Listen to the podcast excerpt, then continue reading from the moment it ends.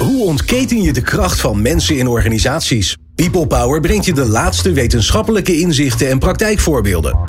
Over leiderschap en leren. Betrokkenheid en bevlogenheid. Inzetbaarheid en inclusie.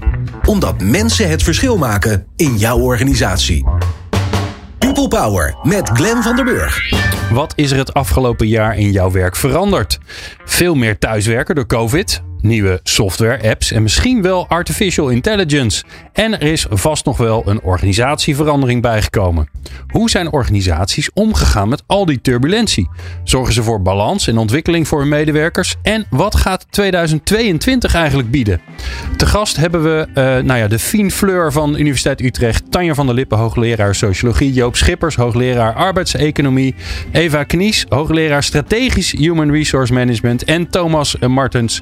Is medewerker kennisvalorisatie en allen verbonden aan de Future of Work Hub. Want deze aflevering en vele andere afleveringen overigens maken we samen met de Future of, uh, of Work Hub. Je kunt hun pagina volgen als je op de hoogte wil blijven van al hun activiteiten. Fijn dat je luistert naar People Power. People Power met Glenn van den Burg. Zo, nou, ik heb uh, volgens mij nog nooit zoveel kennis bij elkaar gehad in één ruimte. Dat is een beetje mijn aanname, maar dat kan bijna niet anders. En dan hebben we ook nog uh, eentje op afstand. Eva, bijzonder leuk dat jij op afstand er ook bij bent. Um, Dankjewel, leuk ja, erbij te zijn. Ja, ja. We, ja, we gaan met elkaar uh, terugkijken en vooruitkijken. Ja, het is de tijd van het jaar, hè? De, de kerstboom uh, die, die staat. En uh, ja, dan is het ook nog tijd om een beetje te contempleren over wat hebben we, allemaal, hebben we allemaal voor ons kiezen gehad afgelopen jaar. En wat komt er allemaal aan. Dus dat is ja, heel simpel. Ik begin bij terugkijken op het jaar. Wat is er eigenlijk het afgelopen jaar gebeurd? En wat, ja, wat blijft er dan bovendrijven als jullie uh, uh, samen terugkijken en samen denken aan, uh, ja, als we kijken naar het thema de arbeidsmarkt, hoe er gewerkt wordt en wat er allemaal aan veranderd is. Wat, wat staat er dan boven, bovenaan het lijstje? Even bij jou beginnen, want jij bent, jij bent ver weg, dus dan haal ik je gelijk dichtbij. Yes. Ja, eh, voor mij springen er twee thema's eh, echt enorm eh, uit, die beide gerelateerd zijn aan de coronasituatie waar we natuurlijk al meer dan een jaar in zitten. voor mij is het thema waar organisaties dit jaar mee bezig zijn, hybride werken en de, overgang naar een hybride werksituatie.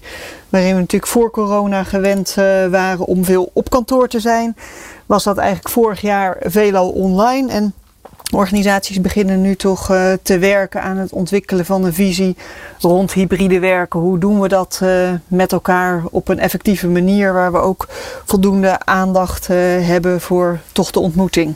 Ja, en is het organisaties eigenlijk gelukt om voldoende tijd te hebben om het überhaupt uit te proberen? Want ik heb het idee dat. we hebben bijvoorbeeld een, een, opening van een kantoor bij Microsoft gedaan waar we lekker radio hebben gemaakt. Maar vlak daarna ging het ook weer dicht. Dus Volgens mij is er nog meer een soort, uh, soort hoop van hoe het straks gaat worden, dan dat we echt al weten hoe het gaat worden. Uh, ja, dat ben ik absoluut uh, met je eens. Er, er, wordt her en der ervaring opgedaan, of is er de afgelopen maanden.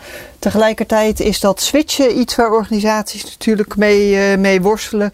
Veel onvoorspelbaarheid en toch steeds moeten inspelen op de huidige situatie. Ja. Tegelijkertijd merk ik dat organisaties nu ook wel bezig zijn met ontwikkelen van visies op hybride werken. Dat als we straks weer wat meer naar kantoor kunnen, dat ze er ook klaar voor zijn. Ja, eh, Joop, eh, want ik, wij, ik heb van tevoren van, van jullie natuurlijk doorgekregen wat jullie favoriete onderwerpen waren. Nou, deze stond volgens mij bijna bij, bij iedereen op het lijstje. Dus kan, kan, iedereen, kan iedereen vragen om zijn inzichten in te leveren. Hoe, hoe, hoe kijk jij op dat hybride werken? Waarom stond het bij jou bovenaan het lijstje? Nou ja, het is inderdaad wel iets waar heel veel organisaties mee bezig zijn. En je ziet tegelijkertijd dat um, sommige organisaties, wat Eva zegt, zijn ook bezig om daar ook daadwerkelijk plannen voor te ontwikkelen. Ja. Maar er zijn ook organisaties die nou ja, toen ze in september eigenlijk weer voor een gedeelte uh, op locatie aan de slag konden, zoiets dachten van, ah, misschien is het toch wel niet zo nodig, uh, dus laat het maar even. Ja. Uh, waar dus eigenlijk heel weinig gebeurt. Ja, en dan zie je toch een beetje dat de wal het schip keert. Doel die zitten nu weer met het probleem dat ze uh, niet op locatie kunnen werken. Ja, dan is het eigenlijk weer ouderwets. En dan met ouderwets bedoel ik net als aan het begin van de coronacrisis. Uh, thuis zitten zonder plan. Ja. Ja, want even, wat, wat kunnen we er al over zeggen? Want eh, er wordt heel veel over gesproken. Er wordt ook veel over geschreven. De, de, de managementboeken die geschreven zijn, die, die doen het goed in alle lijstjes. Mhm. maar, maar kunnen we er al überhaupt iets concreets over zeggen wat dat hybride werken is en of het überhaupt omarmd wordt? Hè? Want je, ja, je hoort toch ook een beetje een aantal grote bedrijven zeggen: ja, we gaan nooit meer terug naar hoe het was.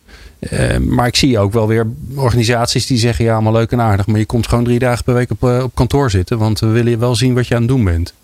Ja, ik denk dat dit de grote omslag uh, is. Het is niet meer wat we noemen niet meer checking upon. Kijken of ieder, iemand uh, acht uur per dag achter ze, op zijn werkplek zit. Maar meer checking in. wat zijn de doelen die je met elkaar stelt? Hoe kom je daar? En ik denk dat het wel heel goed is om met elkaar afspraken te maken over hoe ga je werken. En ik denk dat het ook heel wenselijk is om voor een deel weer terug te gaan naar kantoor. Elkaar te ontmoeten. We zien dat dat toch wel heel erg belangrijk is voor medewerkers. Tegelijkertijd is ja, en waarom dan even? Wat, wat, wat vinden mensen daar zo belangrijk aan? Ik denk dat dat met bepaalde type werkzaamheden heel erg belangrijk uh, is. Dat toch het creatieve werk uh, beter gedijt in, in een context waar je elkaar kunt zien. Maar ik denk dat uh, werk ook voor mensen meer is dan alleen het werk doen. Het is ook het sociale contact, het onderdeel uitmaken van een groter geheel. En dat dat erg gebaat is bij elkaar toch weer een aantal dagen in de week uh, ontmoeten. Ja, ja, Tanja, want dat, dat thuiswerken dat klinkt allemaal heel leuk, maar er zitten, uh, er zitten ook wat haken en ogen aan volgens mij. Ja, ja zeker. Um, thuiswerken, wat je dan mist, is de inspiratie van elkaar. Ja, dus je ziet elkaar wel online, de mensen met wie je een vergadering hebt of een teammeeting of wat dan ook. Maar je ziet niet meer de mensen die je niet als directe collega's hebt. Dus bij het koffiezetapparaat kom je ook net die collega iemand tegen waarmee je niet werkt, maar met wie je een praatje maakt. En daar doe je ideeën op, inspiratie. En dat verlies je. En wie verliezen dat nou vooral? Of ja, die hebben het eigenlijk nog nooit uh, gekregen. Dat zijn de nieuwe medewerkers. Dus die weten, dus iemand die al langer meeloopt in de organisatie, die weet hoe de hazen lopen. Die weet misschien ook nog wel wie die eerder zag bij dat koffiezetapparaat. Dus die kan die toch nog wel even contacten. Maar als je dat niet weet, als je net in de organisatie bent, en dat zijn vaak jongere medewerkers, die weten dus niet aan wie ze wat moeten vragen. En ja, die, die zijn verloren, zeg maar. En, en ik zou zeggen, wat, wat het gevolg van thuiswerken is ook, is dat, dat de verschillen zo groot zijn in hoe mensen ermee omgaan. En de ongelijkheid daarmee toeneemt. Oké, okay, dus de ongelijkheden die er al waren, die worden nog groter. Ja. Zoals? Noem, noem er eens een paar. Nou ja, bijvoorbeeld tussen de mensen uh, die nieuw zijn in de organisatie en ouder. Ja. Uh, degene die veel digitale vaardigheden hebben. Degene die dat minder hebben. Dus die niet goed weten hoe ze dat kunnen uh, bedienen allemaal. Je zou denken, na anderhalf jaar lukt dat iedereen. Maar dat is natuurlijk niet per se zo. En dan, ja, we hebben het hier over dan thuiswerken. Maar er zijn ook nog ook echt mensen ja, een heel groot deel, een groot deel van de bevolking, die werkt helemaal nooit thuis. Nee, die doen gewoon, uh, ja, ik noem dat als echt werk. Met alle respect voor iedereen. Maar die, die, die werken in een fabriek of in een winkel of uh, in de zorg. En die moeten gewoon zijn daar waar het werk gebeurt. In plaats van ja. op afstand. Ja, ik zou zeggen, we doen allemaal echt werk. Uh, maar zij maken dingen, ja. hè, ook in de transportsector. ja. ja. Kun je daar nu al dingen over zeggen wat welke slimme oplossingen daarvoor bedacht zijn. Want het is natuurlijk één om, uh, om te zien dat dat hybride werken of het werken op afstand, dat daar ook nadelen aan kleven. Uh, vervolgens is natuurlijk de vraag die veel organisaties hebben van ja, wij zien dat ook. maar hoe, hoe gaan we dat oplossen? Want hoe vervang je een koffiezetapparaatmoment ja. fysiek? Ja, nou dat is dus helemaal niet zo makkelijk.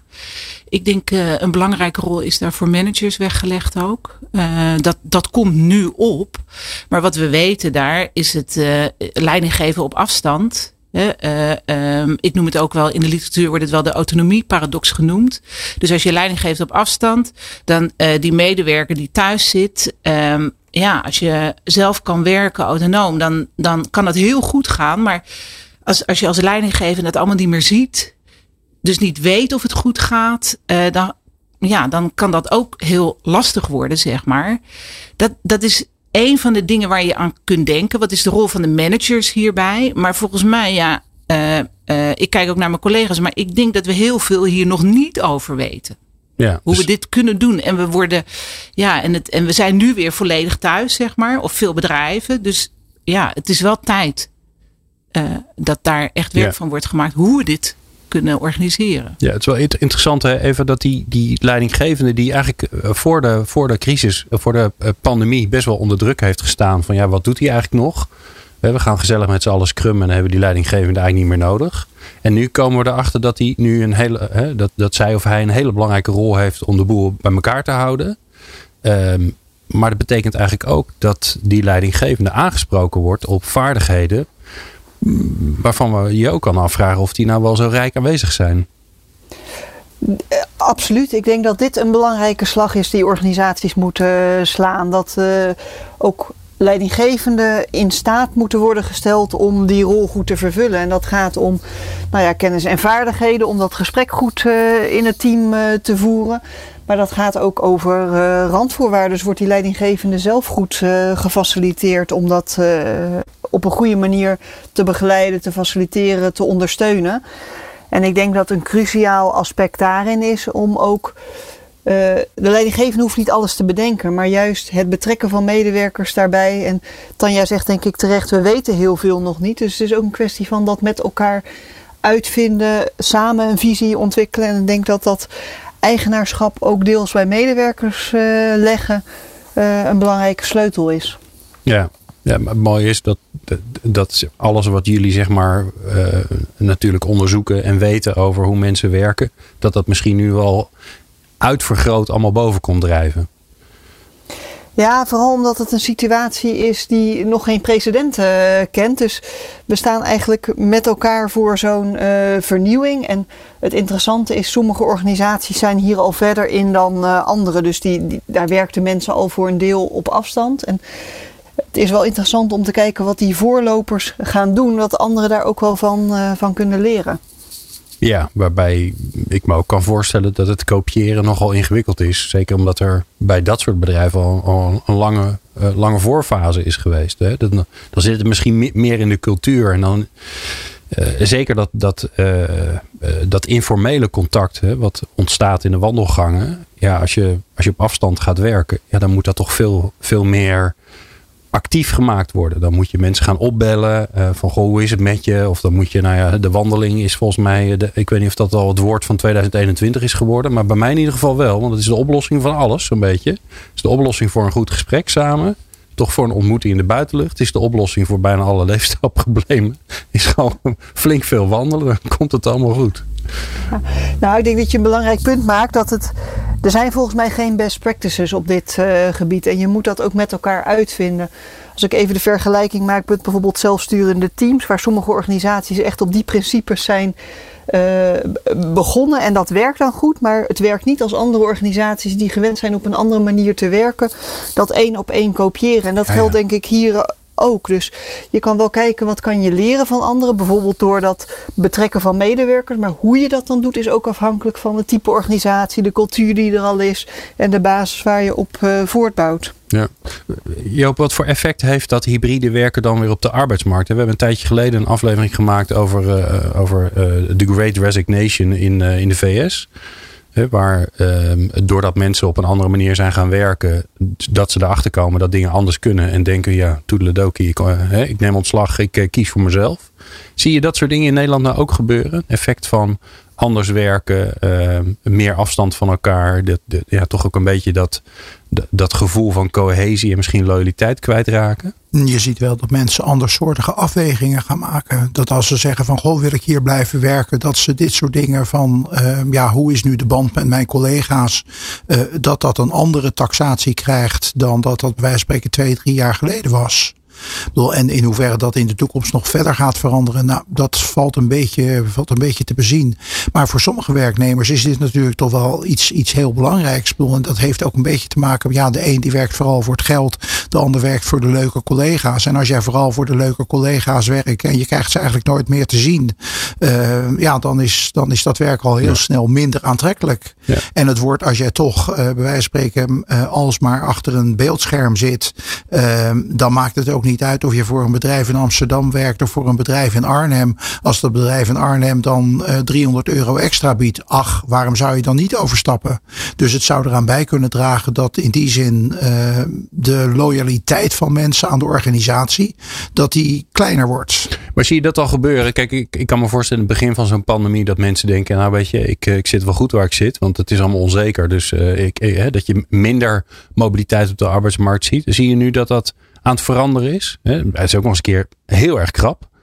Nou ja, dat is het punt. Je ziet natuurlijk niet alleen die dingen die te maken hebben met hybride werken. Ik bedoel, er zijn ook heel veel uh, mogelijkheden om uh, ergens een nieuwe baan te vinden. Dus dat kan ook gewoon uh, ja, een verandering zijn die ook zonder hybride werken wel opgetreden was. Dus dat is bij dit soort dingen. Ik bedoel, dit is eigenlijk een heel groot natuurlijk experiment waar we nu met z'n allen mee bezig zijn. Ja. En ehm, ja, bedoel, wat dan precies door wat komt, dat kunnen we op dit moment eigenlijk ook nog niet zeggen. Nee. Maar je ziet wel dat het dus voor mensen heel makkelijk wordt om uh, van de ene naar de andere werkgever te gaan. Ja, nou uh, ja, Tanja. Nou, het doet mij ook denken aan, uh, uh, dat wordt wel geschetst voor de toekomst, maar die toekomst is nu dan iets dichterbij gekomen, misschien aan de. He, dus eerst werkten we, of dat doen we nog steeds, voor een organisatie, voor een bedrijf. En dat bedrijf, die organisatie bepaalt hoe wij werken. We hebben natuurlijk ook de ZZP'ers, maar die daar gelaten, werknemers. En ik denk in het veranderen nu, de afgelopen anderhalf, nou we gaan al bijna naar twee jaar toe, dat je zelf je werk meer moet organiseren, je taken meer moet organiseren, zouden we ook wel toe kunnen gaan naar die ik-BV. Nou, en daar gaan sommigen beter in zijn. Hè? Dus je, je eigen werk bied je aan dan, zeg maar. En de ene taak doe je daar, de andere taak doe je daar. Dus we, mm. ja, de ik-BV wordt het genoemd. Dat, daar doet mij dit ook aan denken. Ja. Of dat werkelijk zo zal zijn, weet ik niet. Want ik weet ook in september, toen we weer terug mochten naar het werk. Ja, diepe zucht, toch? En toen was het na twee ja. weken, op ja, de mensen die allemaal weer terugkwamen, was het weer als van ouds. He, was ja. die ik-BV helemaal weg. Maar als dit, en dit kan natuurlijk wel langer gaan duren. He, uh, maar wat is, de, wat is jouw inschatting daarop? Want dat is volgens mij een van de, van de, de nou ja, vraagtekens die er zijn. Hoe sterk zijn die oude patronen? En, en uh, ten opzichte van hoe sterk is de wens naar een andere manier van werken. Want het is ook heel makkelijk om weer in de groef te schieten. En denken, oh ja, ik ga zoals weer, ik ga weer in mijn auto. Hè. Er waren ook gewoon weer files in september. En uh, datgene waarvan we ook dachten van, nou, dat gaan we natuurlijk niet meer met z'n allen in die auto zitten s ochtends. Dat gaan we natuurlijk niet meer doen. Ja, dus wel. Ja, nou mensen zijn gewoontedieren. Ja. Dus we zijn opgevoed en gemaakt tot de mensen die we zijn. En een crisis van twee jaar verandert dat niet helemaal. Dus als we ergens belang bij hebben, bijvoorbeeld dat je een huis verderop kunt kopen, groter, mooier wonen en dan niet meer elke dag naar je werk hoeft te reizen, dan zullen mensen dat mogelijk blijven doen. Maar voor andere momenten, als het fijn is om elkaar weer te zien op het werk, uh, inspiratie bij elkaar op te doen, ja, dan denk ik dat we toch vrij snel terugschieten in waar we waren, zeg ja. maar. Dat is, ja, de, dat zei Joop al, uh, die arbeidsmarkt maakt hier wel uit natuurlijk. Want we hebben het nu als, als mensen meer voor het kiezen. Dus als de baan je hier niet bevalt, dan kun je ook verderop kijken. En dat was een aantal jaar geleden wat minder het geval. Dus of, of de arbeidsmarkt zo goed blijft, dat weten we niet. Maar dat maakt wel dat we, uh, als, als we dingen anders zouden willen vanwege die coronacrisis, het nu ook echt kunnen doorzetten, zeg maar. Maar wat ik vooral zie, is dat mensen toch gewoontedieren zijn. Ja. ja, ik zie bijvoorbeeld toch ook wel dat uh, bijvoorbeeld een groot gedeelte van de vergaderingen, ook al zouden ze op locatie kunnen, dat mensen inderdaad om redenen van gemak en inderdaad het mijden van de file en dat soort dingen zeggen van, nou, zullen we toch nog een keer online doen. Ja. Zeker als ze bij wijze van spreken in september een keer uh, bij elkaar hebben kunnen komen. Dat ze weer even nou ja, aan elkaar hebben kunnen ruiken, bij wijze van spreken. Oké, okay, dat, is nog, dat is, zit nog goed, dat is nog prima. Nou, dan kunnen we, nu wel hebben, kunnen we het nu wel weer hebben om een paar keer uh, online te vergaderen. Ja. Dus laat ik zeggen dat mensen ook het gemak daarvan ervaren. Dat zie je ook wel iets, dat dat iets is wat best wel eens zou kunnen beklijven. Ja, uh, laten we even het sprongetje naar de arbeidsmarkt maken. Want hij is al een paar keer langsgekomen. Of zij. Ik weet niet of de arbeidsmarkt een man of een vrouw is. Maar maakt niet zo uit. Het. Um, uh, die is krap. Dus laten we even terugkijken op het afgelopen jaar. Had iemand verwacht, Joop, jij in Kluis, dat dit zou gaan gebeuren? Ja, Enorme ik... pandemie. Heel veel onzekerheid. En een mega krappe arbeidsmarkt. Ik uh, heb het verwacht, volgens mij heb ik het hier zelfs in 2020 ook wel gezegd dat uh, mijn verwachting toen niet was dat er uh, hele drastische consequenties voor de arbeidsmarkt, zeker niet in Nederland, zouden optreden. Um, en nou ja, ik zeg het is altijd fijn om gelijk te krijgen. Maar ik heb nog veel meer gelijk gekregen dan ik eigenlijk zelf gedacht had. Dus in die zin, bedoel, had ik het ook nog onderschat. Maar dat het, bedoel, het zat er van tevoren aan te komen. Het zat er eigenlijk al tien jaar aan te komen. Uh, dus heel verbaasd dat het nu zo is zoals het is. Dat ben ik eigenlijk niet. Nee. Wat, wat is het gevolg daarvan? Dus waar hebben mensen mee geworsteld het afgelopen jaar? Nou ja, uh, bedoel, probeer maar eens iets aan je huis te laten verbouwen. Maar uh, bedoel, ik was net in een vergadering en daar kwam aan de orde dat het bij wijze van spreken ook bijna niet mogelijk was om arboartsen te vinden voor organisaties. Okay. Um, gewoon omdat, nou ja, laat ik zeggen, er zijn er te weinig. Uh, en omdat er te weinig zijn, is het tarief bij wijze van spreken verdubbeld. Um, en zijn er dus organisaties die zeggen van ja, maar dat wil ik er niet voor betalen. Nou ja, dus bedoel, we zien het in het onderwijs we zien het in de zorg. Uh, en dat is denk ik een beetje het punt. Uh, er zijn steeds meer sectoren waar het optreedt. En nou ja, ik zal niet zeggen dat er geen sector van gevrijwaard blijft. Maar uh, bedoel, het, het is nu het, waar het bij wijze van spreken in 2015 nog iets was van een stukje van de arbeidsmarkt. Is het nu eigenlijk, nou ja, voor het overgrote deel van de arbeidsmarkt. Ja. Zie je, heb je dan afgelopen jaar ook al gezien? Hè? Een van de, van de van de vraagstukken die natuurlijk uh, politiek, maar ook maatschappelijk uh, boven Nederland hangt, is dat we. Nou ja, dat het eigenlijk heel lang goed is gegaan met de economie. En dat de, de werknemer daar relatief weinig van heeft gemerkt in zijn portemonnee, gemiddeld gezien. Nou ja, dan zou ik zeggen, dit is de kans. Hè. Die vakbonden die moeten natuurlijk allemaal aan die deur staan te, te rammelen bij die werkgevers. En zeggen, joh, die arbeidsmarkt is nu zo krap. Show me the money. Is dat aan het gebeuren? Dat is in sommige, er zijn sommige hele goede cao's uh, afgesproken het afgelopen, afgelopen jaar. Uh, er zijn ook werkgevers die nog steeds heel onwillig zijn. Denk bijvoorbeeld aan de metaal, waarop, uh, laat ik zeggen, as we speak, wordt daar nog, nog steeds gestaakt om een betere cao te krijgen.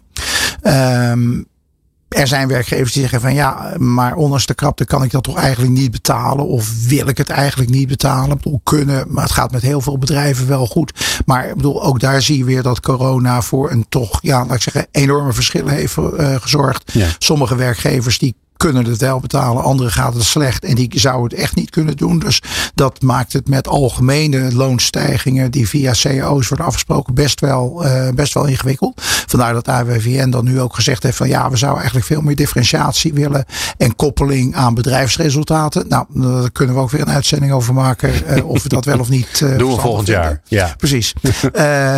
maar dat betekent dus dat ehm, ja, er is zeker, er is absoluut een opwaartse, opwaartse druk en er zal dadelijk bij spreken ook in het regeerakkoord komen te staan dat bijvoorbeeld de salarissen van uh, docenten in het basisonderwijs gelijk getrokken zullen worden met die in het middelbaar onderwijs, wat dan grotendeels gelijk getrokken zullen worden. Ik bedoel, dus ook die zullen er fors op, uh, op vooruit gaan. Maar hogere lonen zorgt niet per definitie dat er ook meer uh, mensen beschikbaar komen. Nee, en dat, is natuurlijk toch het echte probleem. Ja, nou dat is mooi even, want daar wilde jij het nog over hebben natuurlijk. Hè. Dan kom ik zo bij jou Tanja, ik heb je gezien. Uh, ja, dat is voor mij een beetje jong leren natuurlijk met vier, uh, vier van zulke topmensen in de uitzending. Even, ja, jij wilde het ook hebben over de, de aantrekkelijkheid van die beroepen, hè? vooral de zorg en het onderwijs.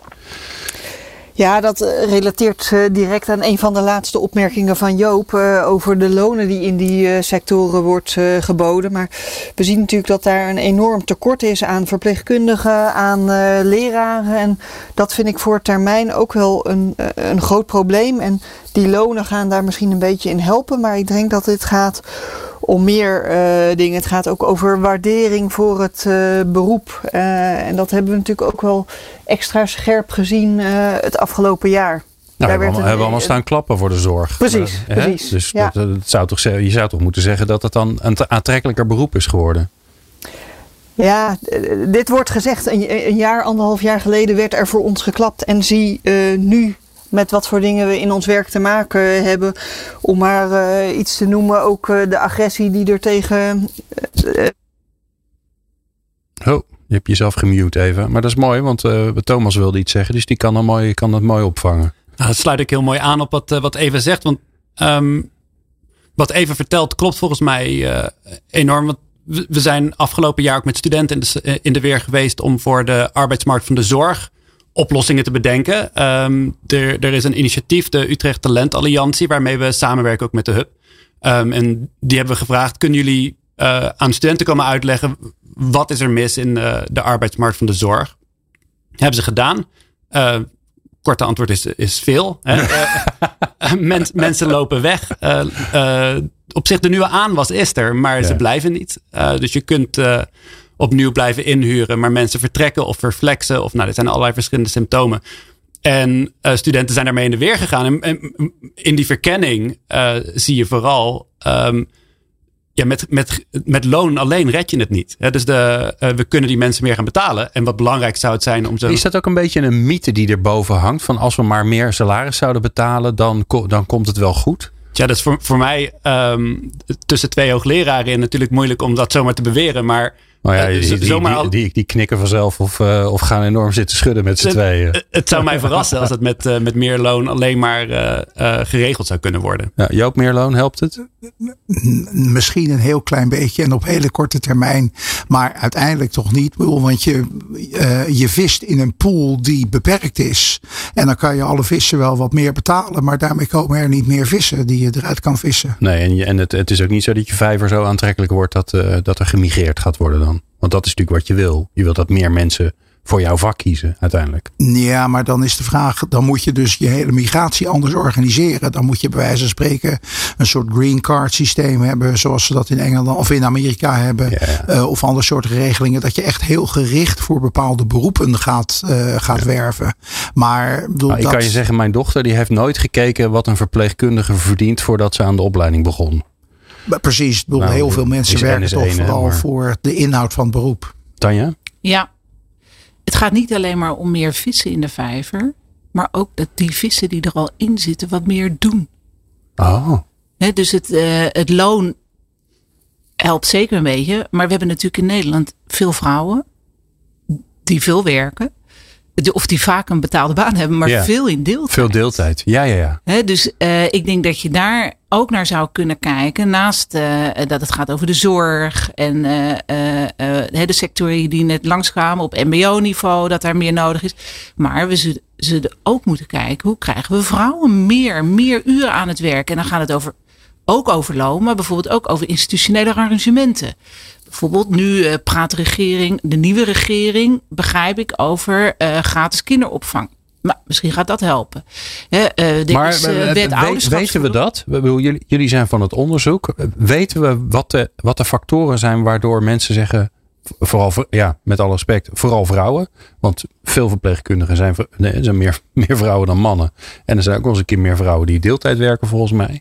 Ja, wat is er dan wat is er nodig om ze die stap te laten zetten? Ja, het, zijn, het, het, het is het geld.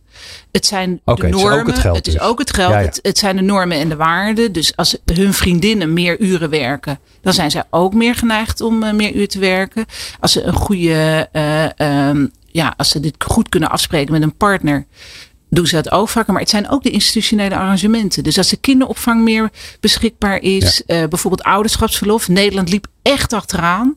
Voor uh, um, um, ja, mannen hadden bijna geen bevallingsverlof bijvoorbeeld. Nou, dat Drie gaat, dagen of zo was het toch? Ja, zo en het is nu weinig. al meer. En het gaat ja. nog meer worden. Dan moeten ze dat nog steeds zelf deels bepalen betalen. He, je zou eigenlijk naar een toestand, uh, situatie toe willen dat dat gewoon wordt, wordt gefinancierd voor hen. Ja. Dus als, als uh, de, de partners van deze mannen dat zien, dan gaan ze misschien zelf ook meer werken. Het gaat dus niet alleen maar over dat die vrouwen meer moeten werken. Ja, het gaat uiteindelijk over dat die vrouwen meer moeten werken. Maar dat, dat, gaan, we, dat gaan we voor elkaar krijgen. Weten we uit het onderzoek. Door zowel uh, naar de partner van deze vrouw te kijken. Dus vaders. Hè, uh, als, uh, als een collega, um, een, een mannelijke collega een kind gaat krijgen ah, hoeveel aandacht wordt daar aan gegeven in de organisatie? Terwijl als het een vrouwelijke collega is, heeft iedereen het erover. Het zijn allemaal kleine dingen. Ja. Dus de organisatie, de omge directe omgeving van de vrouw. En dan ook de overheid met al haar institutionele voorzieningen, denk ik. Dus ik denk naast dat, naast dat we ze in bepaalde sectoren meer nodig hebben, denk ik ook gewoon meer uren werken. Ja, ja ik, ik las. Het moet gebeuren, maar uh, wij spreken als jij als jonge docent in het onderwijs gaat werken en je zegt van goh, ik zou wel vol tijd willen werken werken, dan zegt de schooldirecteur van nou, ik zou dat voorlopig nog maar even niet doen, want het werk is zo zwaar. Uh, begin maar met uh, vier, drieënhalve dag of vier dagen. En dat soort verhalen hoor ik ook uit de zorg. Dus dat heeft ook iets te maken met hoe het werk kennelijk georganiseerd is. Niet goed dus. Ja. Ja, en, en uh, als je dat vaste contract van, voor die meer uren hebt, dan wordt het weer ingewikkeld om weer terug te schalen als het niet meer nodig is. Dus er zit ook een soort vastigheid in volgens mij, die, uh, die, die uiteindelijk toch nog steeds, of dat nou niet is of niet, maar die toch in de, in de beslissing van hè, uh, geef ik jou een contract om meer uren te kunnen werken, die dan toch ingewikkeld is. Ik las ergens dat als alle parttimers in de parttime verpleegkundigen in de zorg twee uur meer gaan werken, is het probleem opgelost. Nou, zal het misschien 2,5 uur zijn. Het probleem? Nou, het, het, het, het, tekort aan arbeidskrachten ja. is dan al opgelost. Ja, en, maar als je het probleem zo neerzet, als die twee uur meer gaan werken, dan is het klaar. Dan lijkt het alsof als zij het maar gaan doen, dan is het klaar. Ja, ja, dus daar is de partner voor nodig. Daar zijn ja, de vriendinnen, vriendinnen voor nodig. Familie, de organisatie zelf, hoe ze het organiseren. Want inderdaad, eens Joop, hè, uh, mensen ondervinden veel werkdruk. Zeker in dit soort sectoren als ze voltijds werken, zeg maar. Dus er moet veel, maar dat is natuurlijk op dit moment in ieder geval, uh, kan het wel helpen. Maar, En dan ga je uit van de huidige situatie, waar ongeveer 1 op de 5 mensen werkt in de zorg in Nederland. Um, met onze huidige zorgconsumptie, um, die blijft groeien. En de, de mensen die er niet jonger op worden in Nederland, is de, de raming dat dat er ongeveer 1 op, um, 1 op de 4, 1, 1 op de 3 zelfs uh, moet gaan worden. ja, die mensen hebben we gewoon niet, dus moet dat ergens anders uh, vandaan gehaald gaan worden. Hè? Dus die innovatie is één punt. Hè? Dus ja. uh, hoe, hoe krijgen we het voor elkaar dat diezelfde mensen meer werk kunnen verrichten?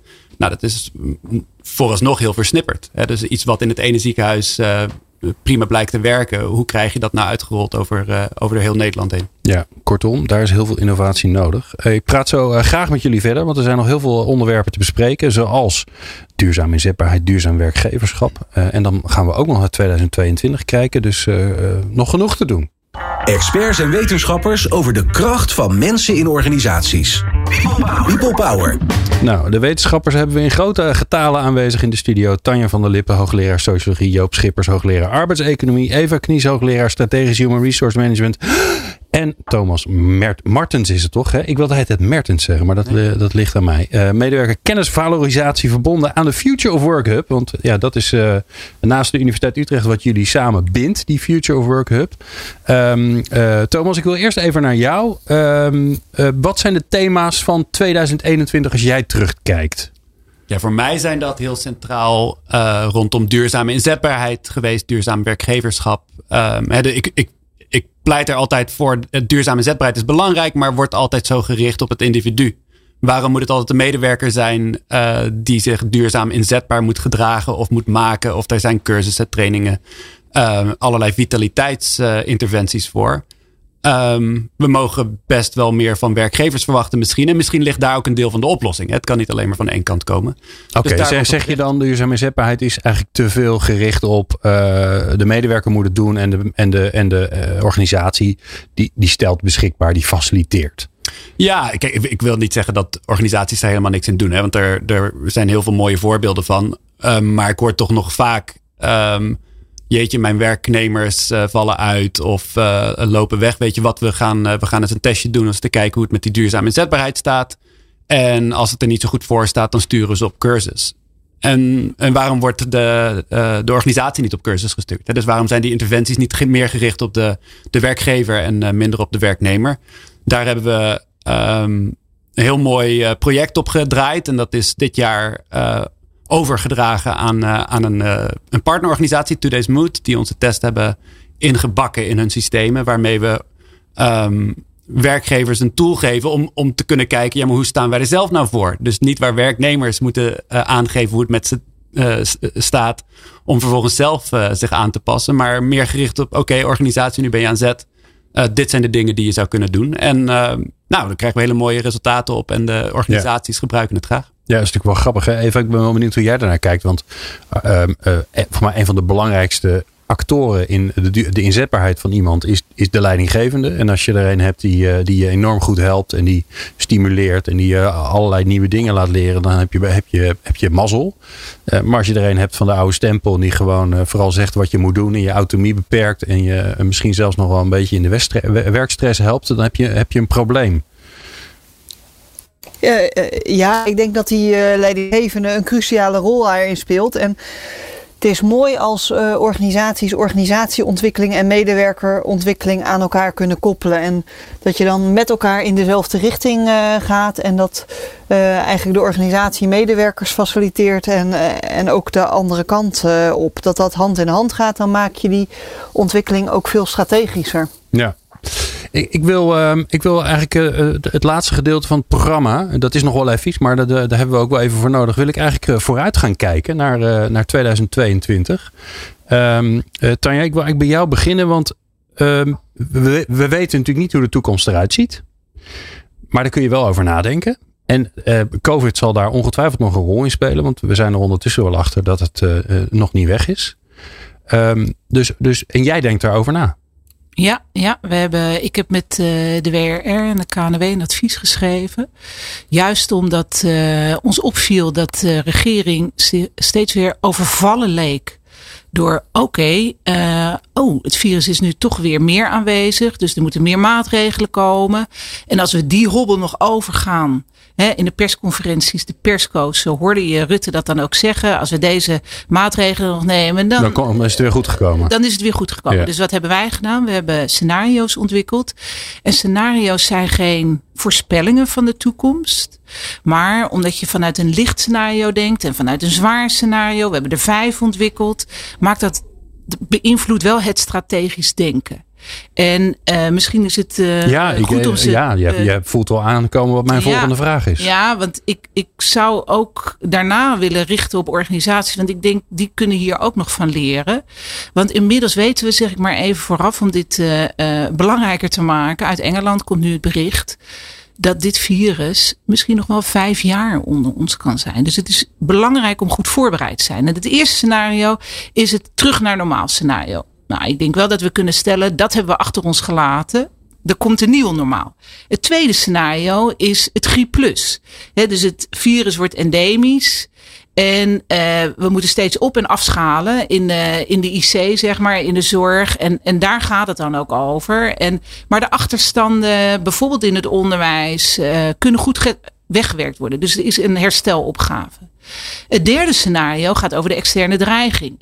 Uh, wij kunnen wel denken dat we veilig zijn, maar in Zuid-Afrika met Omicron, dat kan toch gewoon naar Nederland komen. En dan sluiten we de grenzen. Israël heeft het bijvoorbeeld net gedaan een schijnveiligheid, zou ik zeggen. Want ja, in onze ja, globaliserende samenleving is, is het natuurlijk onmogelijk om die grenzen echt te sluiten. De vierde is de continue strijd. Wij worden ook gevraagd, zitten we nu niet in een continue strijd? Dus het virus is eigenlijk slecht te beteugelen. Uh, de vaccinaties mm, werken, maar niet volledig, zeg maar. En bij Omicron weten we nu of dat lijkt erop te zijn, ja, misschien die boosterprik en dan gaat het lukken, zeg maar. Maar hè, er komen waarschijnlijk wel weer nieuwe varianten. En dan moeten de keuzes, afwegingen gemaakt worden tussen de zorg en de economie. Meer nog dan nu het geval is. Want op een gegeven moment, het zou best kunnen dat die schatkist leeg raakt. En dan het vijfde scenario is het. Uh, ja, het worst case Ja, je ja, daar wil je eigenlijk niet aan denken. Want dan moet ik ook diep over ademhalen. En uh, mensen kijken me ook aan, raar aan als ik uh, dit, uh, dit zeg. Maar het is, wij geven die scenario's omdat je, ja, je moet, je kan als een schaker denken. Hè? Dus maar jij, even worst case scenario is? Nou ja, dan. dan We gaan er allemaal aan. Niet allemaal. Oh, dat valt allemaal Maar vaccinaties ja. werken niet. Oké. Okay. Dus er gaan er wel meer aan zeg maar. Dan, ja, ja, dus, we, dus, dus de ergste worst case is, we krijgen dat virus gewoon niet onder controle. In ieder geval niet de komende jaren. Dus ja, ja. er eh, ontstaat dan een nieuw evenwicht, zeg maar. En dan, um, ja, en daar moeten we het mee doen. En dat heeft grote consequenties. En mensen leven dan in hun eigen bubbel. Dus het eigen belang uh, uh, is veel belangrijker geworden dan het groepsbelang of het maatschappelijk belang. Want daar, daar heb je in ieder geval geen aandacht meer voor. Dus de ongelijkheid is daar dan ook het grootste. Ja. Zeg maar. Ja. En nou, nou uh, hebben jullie dat advies aan de regering gegeven? Ja. Want dit zijn de vijf mogelijke scenario's. wat kunnen organisaties daarmee? Nou, wat ik, wat ik net zei over um, de overheid. Dus dat ze steeds overvallen leken. En daardoor wij ook als burgers, zeg maar. Dus elke keer was een verandering van maatregelen. Was toch oké, dat doen we dan en dan zijn we klaar. En ik denk dat organisaties ook nog niet zo denken vanuit scenario's. En ik denk dat dat verstandig gaat zijn. Zeker als we weten dat we misschien nog wel vijf, vijf jaar met, dit, met uh, het coronavirus uh, leven. Dus ga je dan moet je dan niet structureler gaan nadenken. Hoe en waar ontmoeten collega's elkaar? Ja. Bijvoorbeeld met de thuiswerkvergoeding. Is dat wel genoeg? Moet je niet overal bij werknemers thuis gaan kijken hoe ze zitten, waar ze zitten, of, hè, of dat ergonomisch verantwoord is? Hoe, hoe zit het met preventie, bijvoorbeeld qua gezondheid? Gaan organisaties daar niet een grotere rol spelen? Moet je niet wat weer, hè, je, je had het straks over wandelen, maar moet er niet wat meer bewogen worden? Ook ja, met, uh, met de organisatie als stimulator. Uh, de ongelijkheid binnen organisaties. Dat die nieuwe medewerkers slechter kunnen meekomen dan de oudere, de mensen die er al langer zitten. Dat zijn allemaal vragen waar je beter over kunt nagaan denken. Als je denkt, oh, dit duurt langer. En er zijn verschillende scenario's. Waarbij soms de kans, kans groter is dat we meer thuis moeten werken. Ja. En, en wat ik je eigenlijk hoor zeggen is, door vanuit die scenario's te denken als organisatie en te denken, oké, wat betekent dit dan van, van ons? Dan ga je waarschijnlijk ook rode draden zien dat je zegt, eigenlijk is dit kunnen we in alle scenario's, is dat goed om dat te doen? Ja, ja. Ja het werkt uh, precies zo. Ja. He, dus je hebt dan uh, uh, zeg maar makkelijke dingen waar je sowieso de knoppen waar je sowieso aan kunt draaien bij elk scenario. Maar juist ook door na te denken over, nou het worst case is wel extreem, maar de continue strijd om daarover na te denken, dat maakt dat je nu beter voorbereid bent als ja. organisatie. Dat zeggen wij dan ook in ons advies als een van de aanbevelingen. En de andere is dat je mensen zeg maar de overheidsschokbestendig maakt, veerkrachtig, leer omgaan met het virus.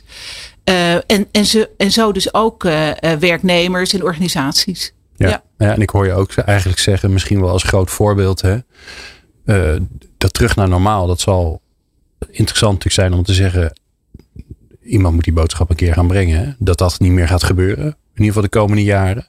Dan hoef je dus ook nooit meer terug naar het feit dat je geen afstand houdt. Dat je je gewoon weer handen gaat schudden. Hè. Dus er zitten natuurlijk ook gevolgen aan voor het bredere beleid. Of sterker nog, beleid wat je binnen organisaties hebt. Ja, mijn indruk is, is dat binnen de overheid en het beleid leeft niet meer het idee dat we terug naar normaal gaan. Maar ik denk in onze samenleving uh, zijn er nog best een hoop mensen die denken, ja, we doen dit nog even en dan gaan we weer terug naar normaal. Ja, dus je ja, moet dan ook. gaan we weer naar de disco met z'n allen. Ja, ja. ja. Alright. Um, nou, wel interessant om, om vanuit daaruit nou van jullie allemaal te horen. Uh, waar gaat het in 2022 dan over? Want dit zal ongetwijfeld een thema blijven. Maar als je dat dan doorvertaalt naar organisaties en wat er dan op het gebied van werk gebeurt. Wat is dan de de trend, hetgene wat we in 2022 met z'n allen gaan aanpakken. Eva, ik begin bij jou. Misschien om een hele heel ander thema te noemen, zit ik te denken aan allerlei technologische veranderingen en de impact die dat heeft op uh, werk. Ik denk dat dat is de afgelopen jaren al een thema en dat zal alleen maar groter uh, worden. Dat is, gaat over uh, werken, bijvoorbeeld met robots. Welke, uh, welk type werk gaat er uh, verdwijnen? Welk type werk verandert uh, er? Hoe kan je als medewerker samenwerken met techniek en hoe bereid je mensen ook voor op die, die omslag? Ja. Ik denk dat dat het komende jaar of de komende jaren ook een belangrijk thema zal zijn. Ja, mooi, interessant. Ja, kijk, ik ben natuurlijk ook eigenlijk even gewoon het, het lijstje voor volgend jaar aan het maken waar we dan uitzendingen over moeten maken.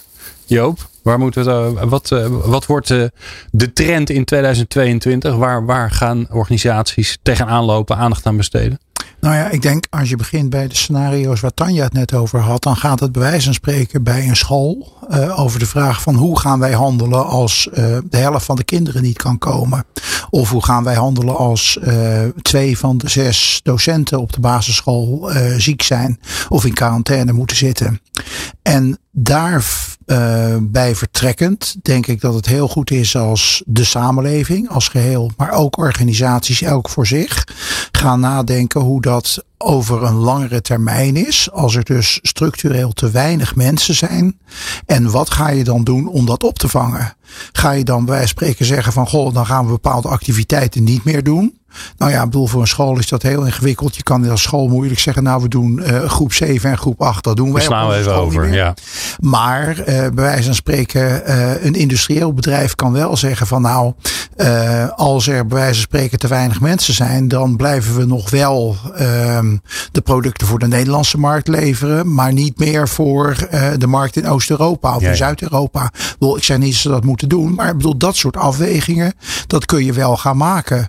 Als je ziet dat je niet aan bepaald personeel kunt komen. Als je daarvan denkt van goh, voor de komende tien jaar wordt dat toch wel steeds ingewikkelder. Dan kom je dus bij wat Eva zegt. Dat je misschien ook heel bewust moet gaan kiezen van zijn er dan bepaalde taken, bepaalde productieprocessen die ik zou kunnen automatiseren. Ja, dat kost wat. Maar als je dat wil gaan doen, dan moet je dus nu beginnen met investeren. Dan moet je dus niet uh, vijf of tien jaar wachten. En ik hoor je eigenlijk zeggen, Joop, uh, los van het feit dat eh, COVID niet weg is de komende vijf jaar, uh, zal die, arbeid, die krapte van de arbeidsmarkt, of in ieder geval het tekort aan mensen. En of dat nou is omdat die arbeidsmarkt krap is, of omdat er gewoon meer mensen thuis zullen zitten, omdat ze gewoon niet naar werk kunnen of mogen komen. Uh, daar moet je eigenlijk ook over nadenken. Want dan ga je er ook anders mee om natuurlijk. Hè?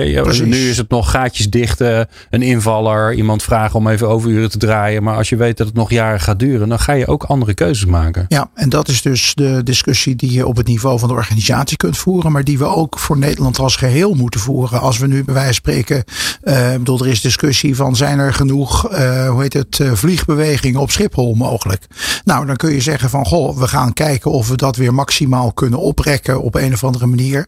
Je kunt ook zeggen van goh, maar misschien is het wel heel moeilijk om in de toekomst aan voldoende verkeersleiders te komen. Dus moeten we misschien sowieso dus de, daar niet iets afschalen. Ja, misschien is het wel een zegen dat, precies, dat ze de vergunning niet hebben. En zo zullen we dus, nou ja, we hadden vroeger in de jaren tachtig een brede maatschappelijke discussie over wel of geen kernenergie moest komen. Ik denk dat we nu ook een brede maatschappelijke discussie nodig hebben. En daar moeten we eigenlijk wat mij betreft heel snel mee beginnen. Waar we onze schaarste arbeidskrachten de komende twee, twee drie decennia's voor willen, decennia voor willen inzetten. Ja. Uh, Thomas, je hebt een mooi overzicht waar de Future of Work allemaal mee bezig is. Waar, waar kijk jij naar uit? 2022, wat voor mooi onderzoek gaan jullie doen? Ja, of we dit allemaal in 2022 al kunnen aftikken, uh, dat weet ik niet. Maar ik verwacht dat we enorm veel gaan doen op het, op het snijvlak tussen uh, de, de sociaal-wetenschappelijke inzichten, waar we veel mee doen, en de, de technische computer science inzichten. Dus de, uh, dat zijn nog twee velden die, die, die te veel los van elkaar staan, naar mijn smaak. En ook in, de, uh, in organisaties ver van elkaar. Maar ik denk dat je met die twee inzichten samen kunt gaan kijken, ja, maar hoe werken uh, werkprocessen nou werkelijk? Hè? Hoe, hoe, hoe, hoe, gaan die eraan toe? Hoe kunnen we die verbeteren met het oog op medewerkertevredenheid en welzijn, gezondheid? Ja. ik denk dat daar een hele hoop in gaat gebeuren. Ja, dus, dus de, de, de verandering in shift van we automatiseren of we robotiseren omdat het dan minder kost, naar we, we doen dat zodat onze mensen langer inzetbaar zijn, meer plezier hebben, niet uitvallen, gelukkiger zijn, gezonder zijn. Ja, en uh, technologie wordt medewerkers nog wel eens aangedaan. Hè? Dus uh, wij, wij, kopen een robot, nu ga je dit gebruiken. Hup, we gaan met z'n allen op Teams en, en zo, zo zul je het doen. Ja. Um, en ik denk dat er veel uh, winst te behalen valt door te kijken naar hoe wat voor effect heeft die technologie nou op de medewerker? En wat voor interventies kunnen we bij die, uh, aan die technologie kan doen om uh, de vruchten te plukken bij de medewerker? Tanja, jij hebt het eindschot. Dankjewel. 2022. Ja, voor mij, uh, want al de, alle onderwerpen die nu zijn genoemd, uh, vind ik heel belangrijk. En wij werken ook graag samen daarin, inclusieve arbeidsmarkt. Hm. Is uh, voor mij ook een belangrijke. We zijn op dit moment bezig met uh, um, het onderzoeken van de economische veerkracht van vrouwen. Dus hoe krijgen we vrouwen meer aan het werk? Maar ook vrouwen die een afstand tot de arbeidsmarkt hebben. En juist met uh, ja, wat Joop net zei en wat er eerder is gezegd. Het is zo belangrijk. Ja, het, het wordt straks alle hens aan dek. en dan is juist deze groep uh, uh, die ja, wat minder, die meer afstand heeft tot de arbeidsmarkt, is ook belangrijk om, uh, om die te betrekken. En ja. ja. dat is voor mij ook een opgave. Voor... Het is eigenlijk, eigenlijk een twee vliegen in één klap onderwerp. Want je lost een, een, een maatschappelijke mis, misstand op en je, en je lost de, het krapt op de arbeidsmarkt op. Ja, zo zou je het kunnen zeggen. Ja, ja. dat is mooi gezegd. Ja. Ik vond het bijzonder uh, leuk dat jullie er allemaal waren. Nu eens een keer allemaal bij elkaar. Meestal zijn jullie er uh, de één voor één. En, dat, en, het, en het leuke is ook wel dat we ook onder het tromgeroffel die ik niet heb, me aan mogen kondigen dat we volgend jaar elke maand gewoon weer gezellig een programma gaan maken over de future of work. Dus we gaan uh, al deze uh, actoren, deze mooie mensen uh, weer terugzien. Ook volgend jaar in de aflevering van People Power. Dus ik dank jullie zeer voor de samenwerking. En zeker ook voor vandaag Tanja van der Lippen, Joop Schippers, Eva Knies en Thomas Martens. Um, en jij natuurlijk ongelooflijk dank voor het luisteren. meer informatie over de Future of Work Hub overigens kun je natuurlijk vinden op het internet. als je even googelt of je kijkt op onze website peoplepower.radio. Dan staat het linkje bij deze aflevering als je de podcast luistert. Dus dankjewel voor het luisteren.